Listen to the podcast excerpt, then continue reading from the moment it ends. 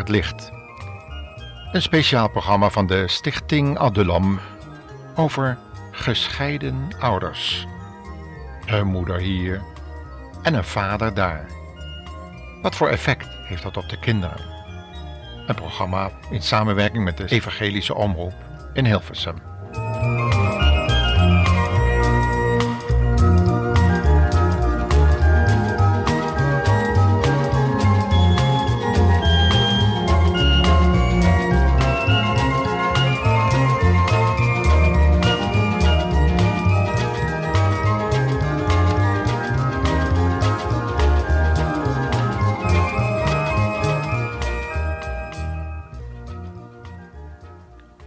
Dominee zei: Ik heb maandenlang gesprekken met die mensen gehad, maar het mocht allemaal niet baten.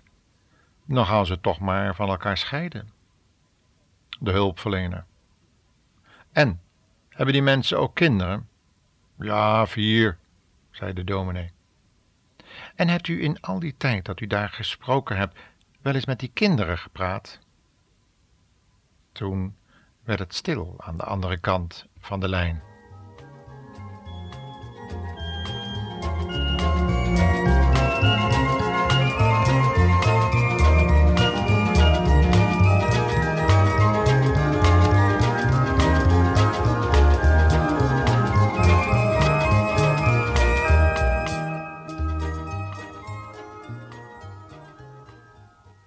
Kinderen van gescheiden ouders hebben het moeilijk als hun ouders nog niet gescheiden zijn en daarna ook, zeker weten.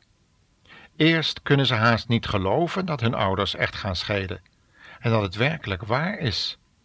Zo zegt Rob Honsmerk, hij is 28 en directeur van Stichting Chris.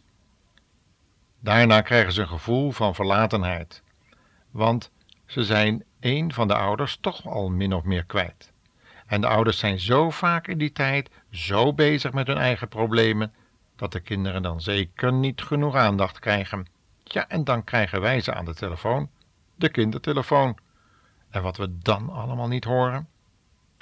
De ouders hebben het inderdaad moeilijk. Wanneer ze met zo'n scheiding beginnen, maar ook wanneer ze ermee eindigen. Maar het verdriet van de kinderen, dat wordt vaak vergeten. Hé, hey, je valt me in de reden, joh. Armand, ah, laat me nou even uitpraten.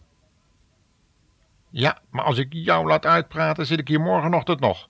Jij bent altijd zo lang van stof. Helemaal niet. Jij bent juist zo ongeduldig. Jij neemt nooit eens tijd voor je. Huh, ik wil toch ook wel eens wat vertellen? Maar nee hoor. Jij moet altijd draven, koken, afruimen, afwassen. Altijd als ik iets wil vertellen, moet jij alweer aan je werk. Nou, dan zegt zij weer: Nou, als je me nou eens zou helpen bij al dat werk, dan zouden we samen meer tijd overhouden. Kon jij meer praten? Kon ik meer luisteren? Maar eh, dat wil jij ook niet. Dan zegt hij weer: Nee. Want help ik eens een keer met de afwas, dan doe ik het weer niet goed. En zeg jij dat jij alles tien keer vlugger en beter kan. Nou, het is ook niet gauw goed bij jou hoor. Denk maar niet dat het gemakkelijk is om het jou naar de zin te maken. zegt je vrouw natuurlijk. Nou, dacht je dat jij zo'n makkelijk mannetje was, hè? Mensen, kinderen, wat ik in mijn huwelijk allemaal al niet heb moeten verdragen van jou. En dan is het maar goed dat ik wel eens wat over mijn kant laat gaan. Want anders hadden we hier ieder uur van de dag ruzie. zegt hij weer. Nou, nou, wat was weer een gezellige maaltijd, hoor. Ha, wat ben je toch een gezellige meid. Ga jij maar gauw de tafel afruimen naar je vriendinnen. Hé, hey, je had toch zo'n haast? Ik zoek wel ergens anders een praatpaal, hè?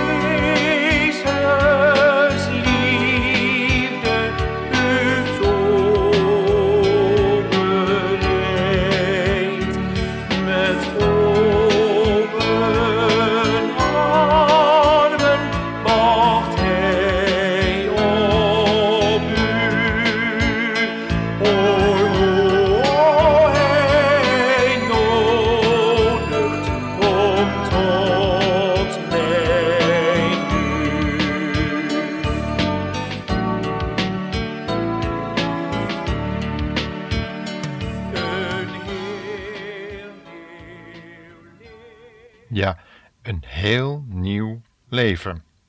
Dat is geweldig. Maar wanneer we dat nieuwe leven niet kennen, wat gaat er dan allemaal gebeuren? Per jaar zien 32.000 kinderen hun ouders uit elkaar gaan. De ouders van Stefanie bijvoorbeeld, die gingen drie jaar geleden scheiden. Ze is er nog steeds niet overheen. Ik ben nog steeds bang voor ruzie. Als mijn vriendin en haar vriend ruzie hebben, ben ik bang dat ze uit elkaar gaan. Vroeger, als mijn ouders hadden, ruzie hadden, dan, dan vluchtte ik altijd naar de kamer. Daar had ik een plekje met een heleboel kussens waar ik stil onder kon zitten. Dan dacht Stefanie na over het leven, haar ouders en ze praatte met God. Het was de enige veilige plaats die ik had. Bij God op schoot. Zo voelde ik het toen. Stefanie werd altijd heen en weer geslingerd tussen haar ouders, die nu gescheiden zijn. Ze heeft dat uh, nog steeds zo, dat gevoel van heen en weer geslingerd worden, zoals de slinger van een klok en zo.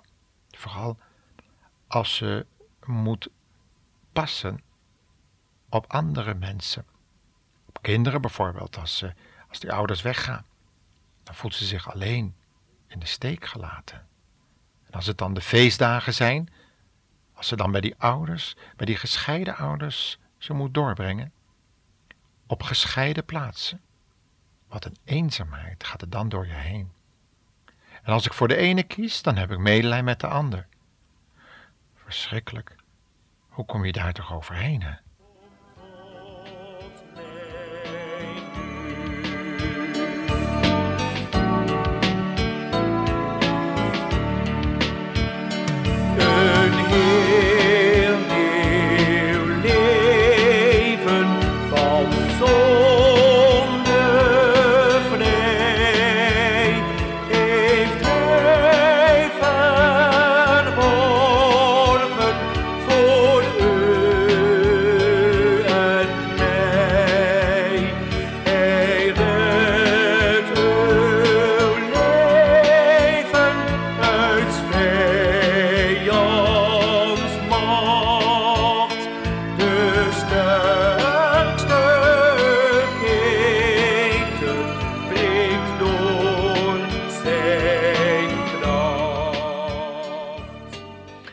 Arjan was acht jaar eh, toen zijn vader bij hem wegging. Hij voelde zich in de steek gelaten. Het was zelfs zo erg dat hij dood wilde. Hij miste de aansluiting met zijn vriendjes. Hij wilde met hen over praten, maar zij wilden gewoon spelen met hem. De gevoelens van Arjan zijn zo langzamerhand uitgegroeid tot een vorm van haat naar zijn vader. En uh, over zijn vader, daar spreekt hij alleen maar over als mijn verwekker. Hm. Het woord verwekker, hm. ja, dat klinkt beter dan het woord vader. Eer je vader en je moeder? Nou, ik weet het niet. Ik denk dat ik uh, daar heel andere gedachten over heb, zo zegt Arjan nu.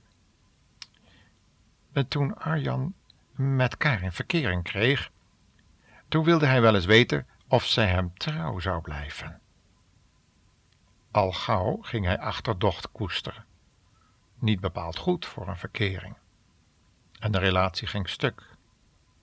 Verschrikkelijk. En toen hij zag dat zijn meisje ook nog zijn vader helemaal niet mocht. En haar eigen vader omhelste. Nou ja, dat kon hij helemaal niet verdragen. Hij schrok ervan.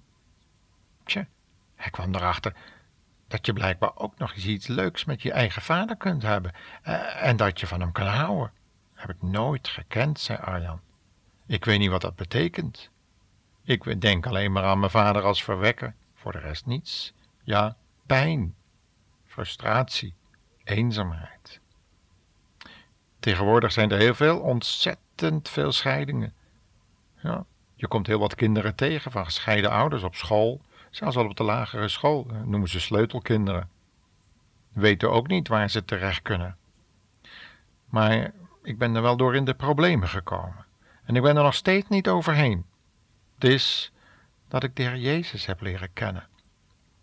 Dat Hij mij met God de Vader in verbinding heeft gebracht.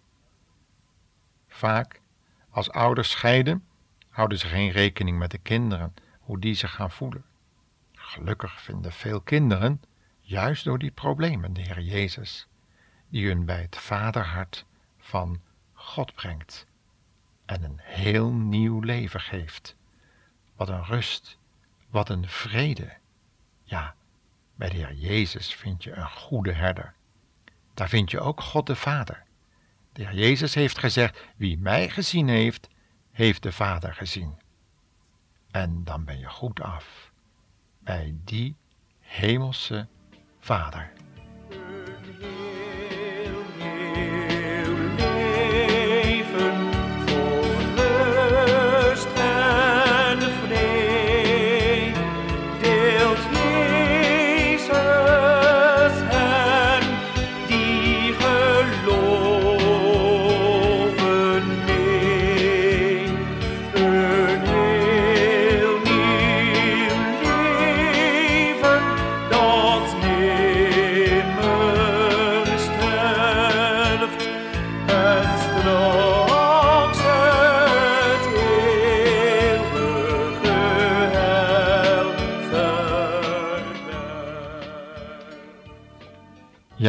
Laten we het lezen in uh, Johannes 16 over die vader en over de belofte van de Heilige Geest. Geweldige woorden. Heer Jezus zegt daar, tot nu toe heb je nog niet gebeden in mijn naam. Bid en je zal ontvangen, zal je grote vreugde geven. Ik heb tot nog toe in veel beeld, beeldspraak uh, gesproken, maar er komt een moment dat dat niet meer nodig is. Dan kan ik u zonder beperking over mijn Vader vertellen. Als het zover is, kunt u in mijn naam bidden. Ik hoef dan niets meer voor u aan de Vader te vragen, want de Vader zelf houdt van u, omdat u van mij houdt en gelooft dat ik bij hem vandaan kom. Ik ben van de Vader naar de wereld gekomen. Nu verlaat ik de wereld weer en ga terug naar de Vader. Toen zeiden zijn discipelen: Dat is tenminste niet zo onbegrijpelijk. Nu spreekt u duidelijke taal. Wij weten nu dat u van alles op de hoogte bent. Niemand hoeft u iets te vertellen. Daarom geloven wij dat u van God komt. Geloof je het nu eindelijk? antwoordde Jezus. Maar er komt een tijd dat je uiteengejaagd wordt. Dan gaat ieder zijn eigen weg en laat mij in de steek. Maar echt alleen zal ik niet zijn, omdat de Vader dicht bij mij is dit heb ik u verteld, omdat ik wil dat u in mij vrede bewaart. Ja, in de wereld zal je het zwaar te verduren krijgen, maar houd moed. Ik heb de wereld overwonnen. Zo sprak Jezus in Johannes 16.